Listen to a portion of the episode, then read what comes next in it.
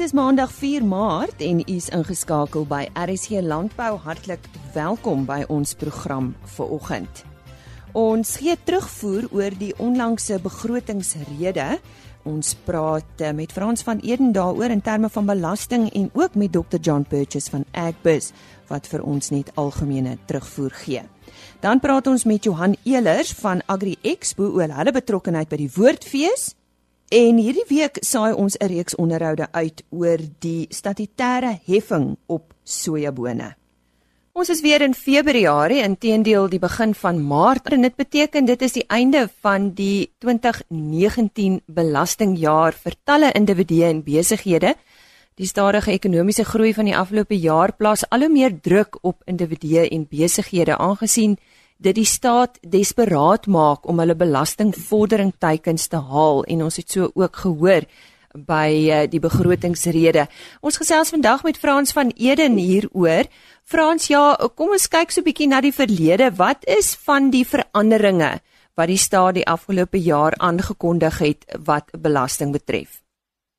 So Lise, ja, wat jy nou net gesê het baie waar. Die staat is in 'n posisie waar hulle al hoe meer spandeer en die hoeveelheid geld wat hulle inkry raak al hoe minder as gevolg van die ekonomiese uh druk wat daar op almal is.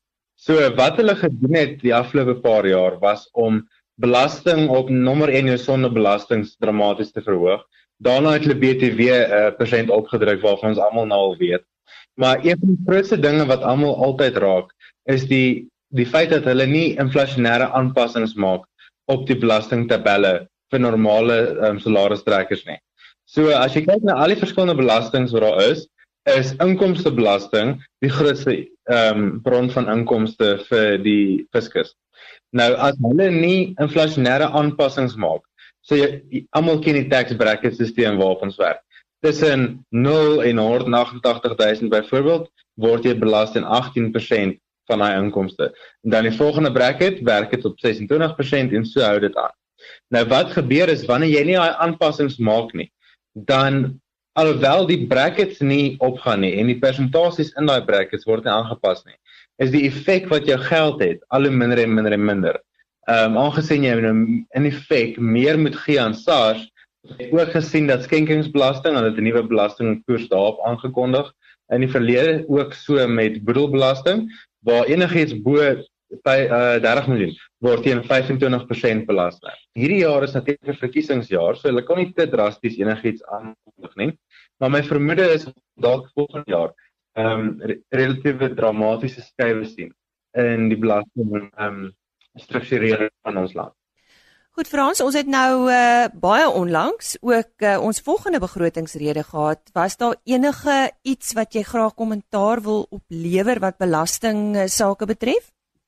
Okay, so daar's regtig geen veranderinge gewees van vorige jaar tot hierdie jaar nie. Daar's niks dramaties verander het nie. Ehm um, soos ons weet, hulle is besig om die nuwe nasionale mediese fonds skema uit te rol. So ons mediese belastingkrediete is nog dieselfde as die vorige jaar. Wat beteken vir elke hooflid kry nog steeds R310 korting per maand en eerste afhanklike ook R310. Dis onveranderd van laas jaar. Die rede hoekom hulle dit verhoog nie is want hulle wil daai geld gebruik om die nasionale ehm um, mediese fonds, kan man amper sê, uh te befonds vir almal in die toekoms. Goed, uh kom kom ons praat so 'n bietjie oor die algemeen oor belasting. Aangesien dit nou uh, die tyd is wat ons nou opgawes moet begin indien. Wat is die verskil tussen belastingbeplanning en belastingontduiking? Okay, Lise, belastingontduiking is eenvoudig waar jy die wet breek om seker te maak dat jy nie belasting hoef te betaal. So jy verklaar nie jou inkomste nie of jy eis hele uitgawes of jy bring uitgawes in wat jy nie mag eis nie wat nie te voortbring inkomste was nie. Belastingbeplanning is waar jy werk binne die raamwerk van die wet. Die wet laat jou toe om sekere uitgawes te eis as jy daarvan weet dit mag gebruik en dit waar belastingbeplanning aankom. So jy werk saam met 'n rekenmeester maar veral 'n belastingpraktisyn om jou belasting te beplan om seker te maak dat dit wat jy eis, jy wel eis. Dis baie belangrik wat mense moet doen is nie net gemaklik raak met die hele tyd een belastingpraktisyn gebruik nie, want jy gaan nooit weet noodwendig of jy die beste diens kry nie. So, dis dieselfde met as jy na 'n dokter toe gaan en hulle sê vir jou iets fout. Jy gaan kry 'n tweede opinie. Sê, dit moet jy ook in die gewoonte van daag. kry altyd 'n tweede opinie op belasting, kyk waar jy die geld kan spaar. Wie jy gebruik op die einde van die dag is 'n ander saak, maar hoe meer opinies jy het, beter gaan jou belasting gestruktureer kan word. Frans, 'n onlangse verslag van Agri SA dui daarop dat tot 70% van boere in Suid-Afrika onder finansiële druk is. Nou, hoe pas belastingbeplanning in by die oplossing van hulle finansiële probleme? Okay, Elise, baie boere en baie besighede eintlik maar as geheel. Hulle vind 'n jaar later uit hoeveel belasting hulle moet betaal. So jy het 'n goeie jaar gehad en nou vind jy uit, okay, 28% van wat ook al jy wins gemaak het in die vorige jaar, moet jy oorbetaal aan af. Maar intussen het jy 'n slegte jaar. Jou nuwe jaar, so ons is nou in die 2020 jaar van Maart af. Jy het baie wins gemaak. Ehm um, dit het goed gereën, jy het baie saad uh, geplant, jy het baie goeie oeste gekry en kom ons sê nou maar net daar was baie goeie hierdie pryse. Jy het nou goed geld gemaak. Maar hierdie jaar lyk dit nou nie asof dit so 'n goeie jaar gaan wees vir jou nie. Jy het dalk 'n misoes gehad hier en daar tussenin. Dit beteken jy het uitgawes wat jy aangaan wat jy nie in die vorige jaar gehad het nie. Wat beteken jou kontantreserwes wat jy gehad het, het jy alreeds opgebruik. Die probleem is, jy het nog steeds die vorige jaar se belastingrekening wat jy moet betaal. En dit is nou waar mense desperaat begin raak en probeer belasting ontduik. Belastingbeplanning is 'n aaneenlopende proses wat hulle in plek moet hê om seker te maak dat wanneer hulle elke maand agterkom hoeveel geld hulle maak, dat hulle die ken dan van tred hou. Dan gaan hulle geld moet werk op 'n maandelikse basis vir belasting. Dan gaan hulle nooit in 'n posisie wees waar hulle eers skielik nie meer genoeg kontant het om hulle uitgawes te betaal nie. Want dis die probleem wat baie boere mee moontlik sit is dat hulle nog steeds 'n belastingrekening het om te betaal, maar hulle het nie die kontantvloei om dit te betaal. Ons 70% van die boere in ons land kontantvloei probleme ondervind en in finansiële verknorsing is. Dit is gewoonlik as gevolg van kontantvloei redes. Wat is nodig vir doeltreffende belastingbeplanning? Soos ek gesê het vroeër, dit is nodig vir jou om te sit en te beplan en elke maand daardeur te werk saam met 'n rekenmeester, saam met jou belastingpraktisyn en kry daai tweede opinie.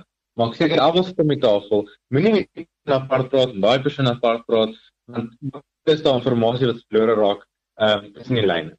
Sit almal in een vertrek saam wanneer strategiese besluite geneem word, moet almal saamwerk en almal sit saam en kyk wat gedoen kan word. Wat is van die belastingbesparings wat tot besigheidseienaars se beskikking is? Wat boere byvoorbeeld kan doen is as hulle implemente aankoop, dan kan hulle dit afskryf teen 50 30 20% waardevermindering.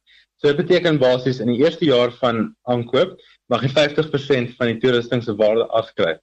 Irrelevant van wanneer jy hom in die jaar gekoop het. So jy kan op die 28ste Februarie kan jy 'n trekker gaan koop vir 1 miljoen rand en jy kan 500 000 rand van daai trekker se waarde afskryf in die 2019 belastingjaar. Dis een van die goed. Die ander ding wat kan werk is as jy kyk na klein sake korporasies. So klein sake korporasies beteken basies daar's gunstige belastingskale vir hulle en op die eerste 550 000 rand se wins werk dit omtrent op 'n effektiewe koers van 11% uit. So dis 17% belastingbesparing wat jy al klaar het. So dis net twee van die goed wat die mense kan na kyk. Maar daar is baie meer veral vir boere wat gedoen kan word om te help dat hulle belasting reg beplan is. Nou ja, dis dan uh, Frans van Eden wat met ons gepraat het oor belasting aangesien dit nou net die tyd van die jaar is wanneer ons eh, die nodige aandag daaraan moet skenk. Volgende aan die woord is Henny Maas. Daar is net twee veilings waaroor ons vandag wil gesels. Jou eerste is die Jan Vos landgoedproduksie veiling op die 5de Maart. Dit vind plaas by Brakfontein Daval. 50 ramme, 25 dragtige tweetand ooe, 100 dragtige tweetand ooe word opgeveil deur BKB van Wyk. Nico Langeveld en Frik Verster is die afslaers.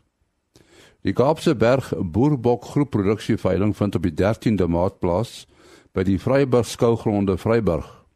30 stoet en kudde ramme, 40 stoet en kudde ooe en 40 kommersiële ooe word opgeveil deur Noord-Kaap Lewende Hawe. Teens Visser is die afslaer. Tot sover veiling nuus. 1085 Ons gesels nou oor die woordfees nou. Dit is op almal se lippe want dit is tans aan die gang. Dit het op 1 Maart begin en dit duur tot en met 10 Maart. Nou ons gesels met die hoofuitvoerende beampte van Agri Expo en soos ons hulle ken, is hulle waar landbou nodig is om te wees. En ons gaan nou by hom hoor wat is hulle betrokkeheid. Johan, ja, die hoeveelste jaar is dit wat julle nou by die Woordfees betrokke is voor ons hoor hoe julle betrokke is? Dis dit is ons 4de jaar dat ons by die Woordfees betrokke is. En ag soos jy weet, Agri Expo soek altyd na opwindende of kom ons sê vermaaklike maniere hoe ons landbou na die publiek toe kan oordra. En met 'n wonderlike samewerking met die Woordfees het ons hierdie geleentheid geskep waar ons die Agri Expo landboureeks by die Woordfees op daai platform vir die publiek bekendstel. Goed, nou dit word genoem die Agri Expo Landbou Pro reeks. Nou ons gaan nou-nou by die reeks kom. Uh jy het nou kortliks gesê hoe julle wil graag landbou na die publiek toe bring. Um is dit julle uiteindelike doel of wat wil julle hierdeur bereik? Ja, ek dink daar's daar's verskillende aspekte. Die belangrikste is om die beeld van landbou te bevorder en dan daarmee saam om die boodskap van kos by die publiek bekend te stel of of uit te bring. Aan die ander woorde daai storie agter die kos. Waar kom jou kos vandaan? Laat daar dalk 'n groter begrip is vir die landbou en die mense binne in die landbou, maar ons weet ook dat die verbruiker op hierdie stadium bietjie meer wil teruggaan na die basiese aspekte toe hy weet waar kom sy goeder vandaan en hoe word dit verbou en wat is die storie agter dit. En ons het net besef hierdie is 'n ideale geleentheid om op 'n lekker manier dit aan die verbruiker oor te dra. Johan, vertel ons nou 'n bietjie van hierdie reeks. Uh is daar elke dag iets waarna iemand uh, kan uitsien? Ja, Lize, ons het nou al reeds begin en ons het uh die gewilde Merino Lamsbout Pro wat ons nou al elke jaar aangebied het deur vanjaar gehad waar ons so gaan kyk na verskillende streke so lamsboude en dan word op dieselfde manier gaar gemaak en dan kan jy die terroir van die verskillende streke kan jy dan gaan proe binne in die uh, merino lamsboude. So ons het dit gehad, ons het al reeds Shiraz in wildsvleisproe gehad wat ons saam met die Shiraz SA uh bymekaar het. Ons het nog een sessie oor, dis die 9de Maart wat ons dit uh, weer gaan doen waar ons dan wildsnitte van kudu, eland, gemsbok en springbok laat proe saam met uh die Shiraz wyne in Edmund Terblaas, hy is die voorsitter van Shiraz SA, 'n bekroonde wynmaker van Lamot, uh gesels met ons daaroor. En dan het ons ook gehad die veldvleisvereniging, um of soos wat ons dit beter ken as die Grassfed Association met Pieter Dr. Pieter Prinsloo wat 'n baie lekker sessie was waar ons dan die konvensionele lendesnitte of kruisskywe vergelyk het met die veldgrasvleis en om die naspeur naspeurbaarheid of die traceability van hierdie vleis bietjie na te gaan kyk. En dit het ons gedoen saam met die Pinitas Assosiasie en die Kaapse Wynmeester Dantjie Bailey wat daarbey betrokke is. Vandag het ons die Cape Wintners classification. Dit is ook 'n interessante ene, die CBC wyne wat eintlik maar wit en rooi versnitte wat eie aan die Kaap is. Um gehad waar ons dan die uh, eie soortige terreinspesifikasies van Kaapse ikoonwyne bymekaar bring en Abri Beslaar van Kanonkop en die wynmaak van Vergelegen was daar. So dit is bietjie om die Bordeaux tipe wyne aan die publiek bekend te stel. Dan het ons nog 'n paar baie opwindendes oor. Ons het môre het ons die Sauvignon Blanc wyne, die top 10 Sauvignon Blanc wyne, soos jy weet is daar meeste van die kultivars het hierdie kompetisies. So het Sauvignon Blanc dit ook. En ons gesels van die haai wyne en ons gesels daaroor en RJ Botha, hy is die voorsitter van die Sauvignon Blanc belangegroep. Hy gesels daarmee en ons paar dit met kwaliteit kaas. Nou kwaliteit kaas is daai kaas wat die merk van gehalte gekry het op die Suid-Afrikaanse suiwelkampioenskappe net om vir jou 'n idee te gee in 2018 was net 13 van daai kase van die 563 van hulle bekroon met kwaliteit. Soos die ouens sê, dit is soos die Oscars maar net met 'n bietjie meer kultuur. So dit is 'n baie lekker ene wat voorlê. En dan gaan ons oor na die konsortium Merino toe waar ons weer Merino lamproe het en Gawie van Heerden is daarbey betrokke. En ons bring Merino lam van Boesmanland tot die Hoëveld, die Oeverberg, die Karoo en die Ooskaap. en ons maak hulle gaar chef Bertus besonder daarbey betrokke. Ons maak hulle gaar op dieselfde manier dat jy weer eens die verskillende streke kan proe en ons paar dit met Veritas rooiwyne.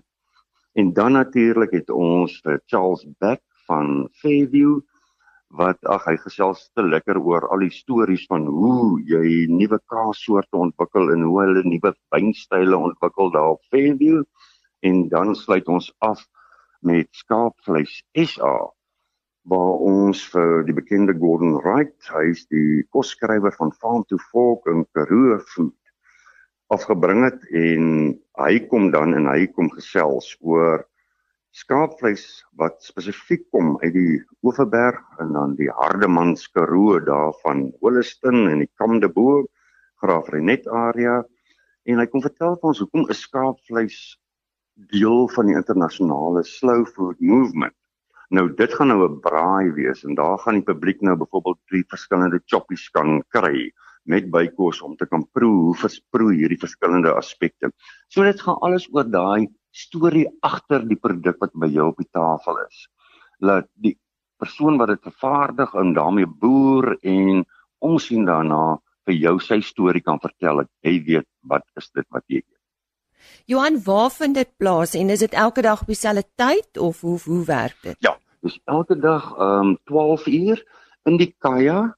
Nou dit is in Reineveldstraat daar hier in Stellenbosch en kaartjies wissel tussen R110 en R160 en dis beskikbaar by CompuTicket.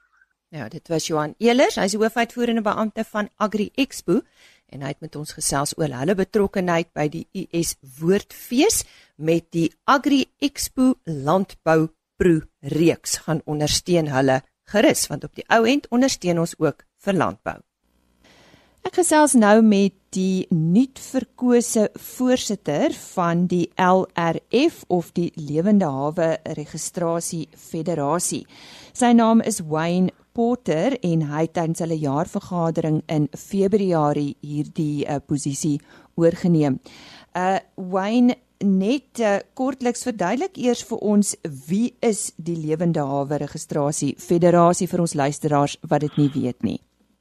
Uh, die Lewende Hawe Federasie LRF is 'n geregistreerde owerheid van 'n uh, beesteelesgenootskap wat hulle eie registrasies doen en ons gebruik die uh, breedplan uh, performance uh, recording stelsel van Australië uh, as ons stelsel wat ons ons eie registrasies doen.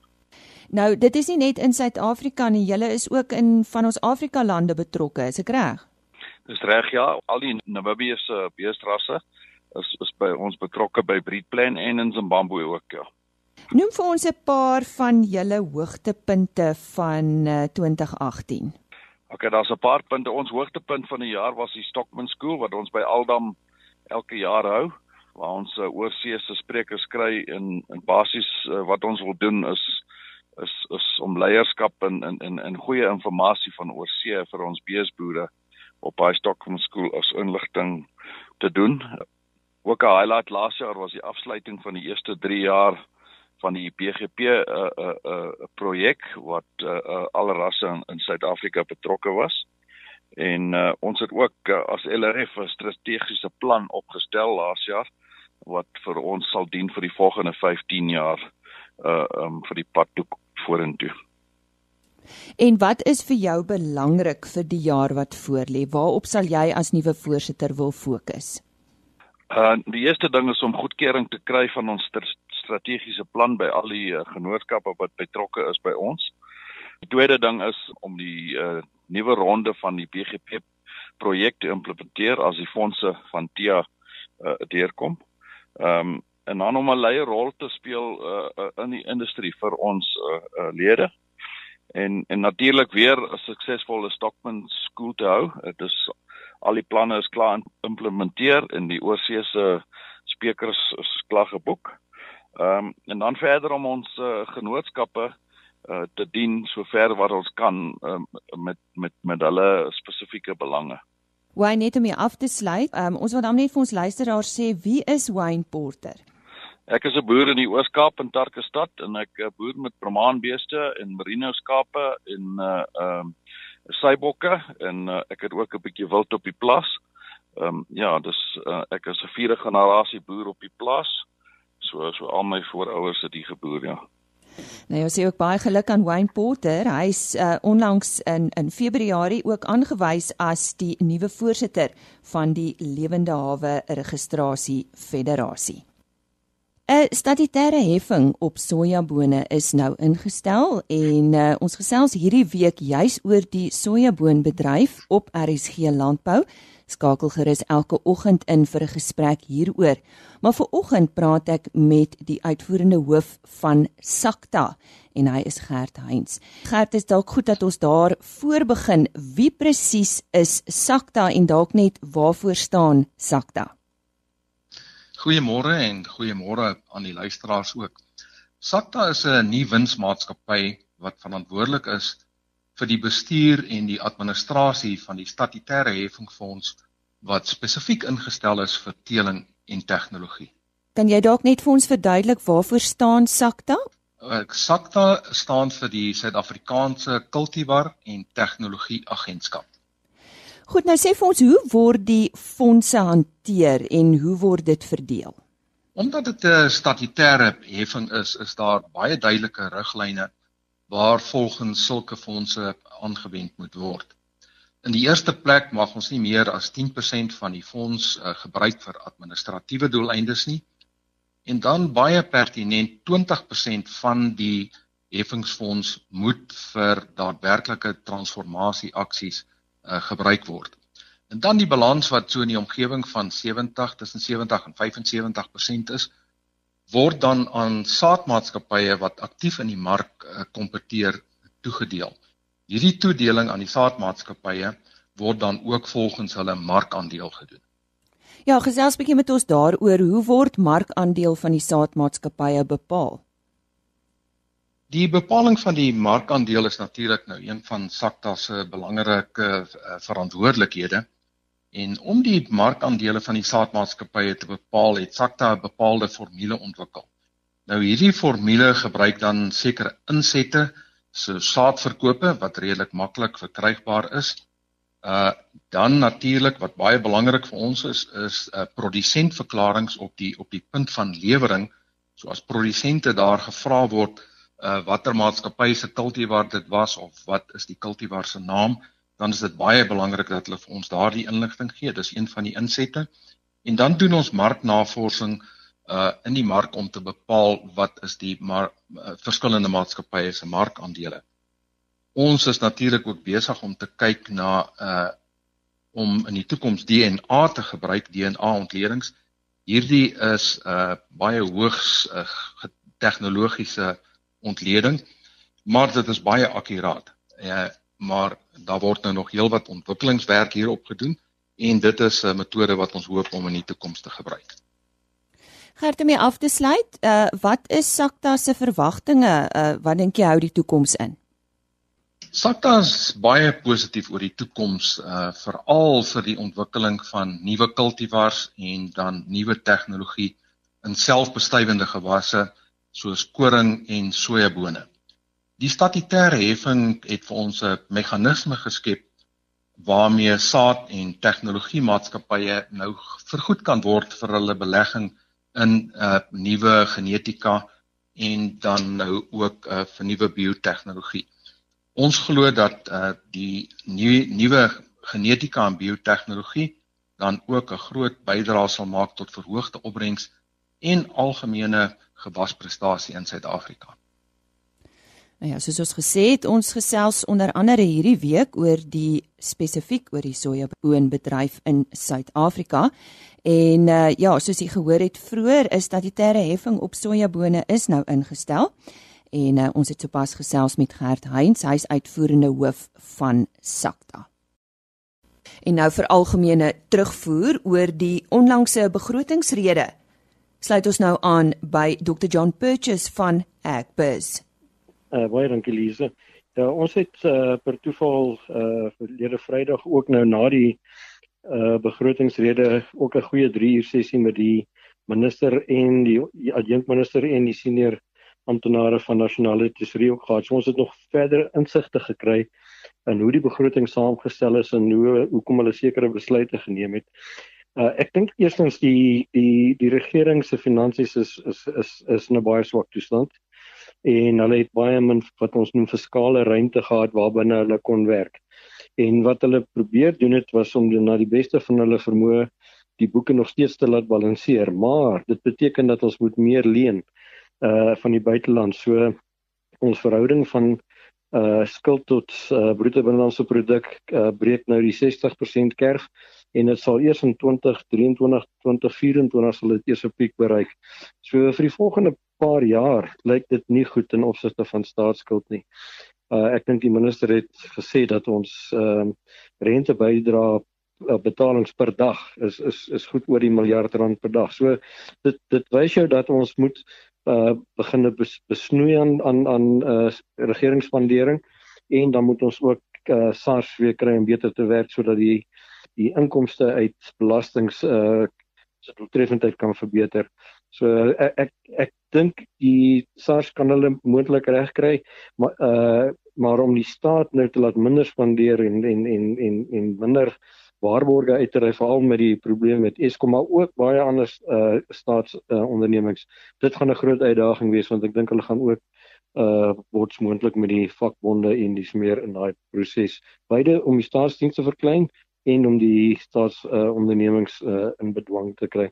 So ek dink daar's baie groot uitdagings vir die regering. Ons is glad nie uit die moeilikheid uit nie wat wat ons wel verwelkom en uh is dat daar is 'n erns en ons dink 'n ehm um, ek wil amper sê geloofwaardigheid in die analise wat die wat die minister ingebring het in die evaluasie van hoe sleg dit regtig is en en uh dit kan selfs 'n bietjie slegter wees as dit. Hy het ons gewaarsku dat daar nog steeds aansienlike risiko's in die stelsel is wat wat nog die prentjie uh, slegter kan maak. So uh, ja, ek dink ons uh, ons betaal almal meer, ons lê almal skade as gevolg van ehm um, onbeholpenheid met die staatsondernemings, die, die swak uh, ver, verantwoordbaarheid wat ons in die staatsinstellings of staatsondernemings gehad het. So dit dis dis moeilike tye vir Suid-Afrika om die bitter alwyn analogie te gebruik wat hy daar gehad het. Ek dink dit was 'n baie goeie analogie en dit wys ons gaan maar bitter medisyne hier vir die volgende paar jaar. As ons 'n bietjie terugvoer kan kry spesifiek op landbou, um, ek weet daar's van die instansies wat uh, verwag het dat ons so 'n bietjie meer simpatie gaan kry of empatie gaan kry met eh, die stand waarin landbou is spesifiek. Net jou terugvoer daaroor? Ja, net oor die landbou. Uh, hy hy het nie baie gesê oor die landbou. Die bietjie wat hy gesê het en dan ook wat ons Vrydag geleer het is dat hulle wil sterker uh, klem lê op die ontwikkeling van uh kommersiële swart boere en en eintlik ondersteun ons dit.